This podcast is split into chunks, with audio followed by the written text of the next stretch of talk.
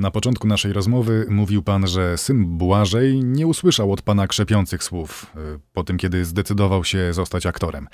Przeciwnie, to były mocno nieparlamentarne słowa. Synu, będziesz miał przechlapane. Przeklapane w tym sensie, że to środowisko, w którym e, zdobywa się rolę, w którym e, wchodzi się w obsady, etc., etc., etc. Powiedzmy I- wprost, w układy. w układy, czyli krótko mówiąc merdanie ogonkiem, które czasami aktorzy tak e, zdaje im się, że delikatnie wykonują, a tymczasem jak na dłoni widać, że to jest proceder dość obrzydliwy.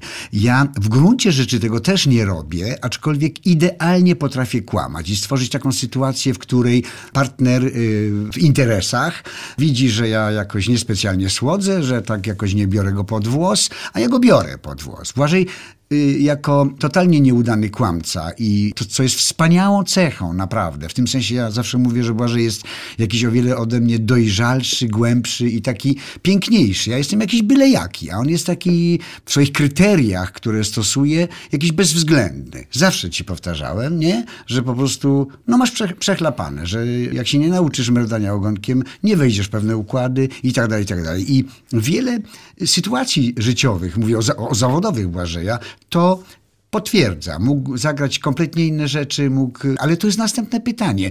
Co jest lepsze? No, czy twoje samopoczucie i jakiś status wewnętrzny? czy po prostu, zasadom. y, Czy wierności zasadom, y, zresztą zasadom absolutnie rzadkim i pięknym, czy też no, bycia jednym z wielu. No, no. I to jest jakiś, e, powiedziałbym, e, dziwny taki zaułek w tym zawodzie, do którego niektórzy po prostu wchodzą, a niektórzy nie. Błażej w te zaułki najzwyczajniej nie wchodzi i w tym cię podziwiam.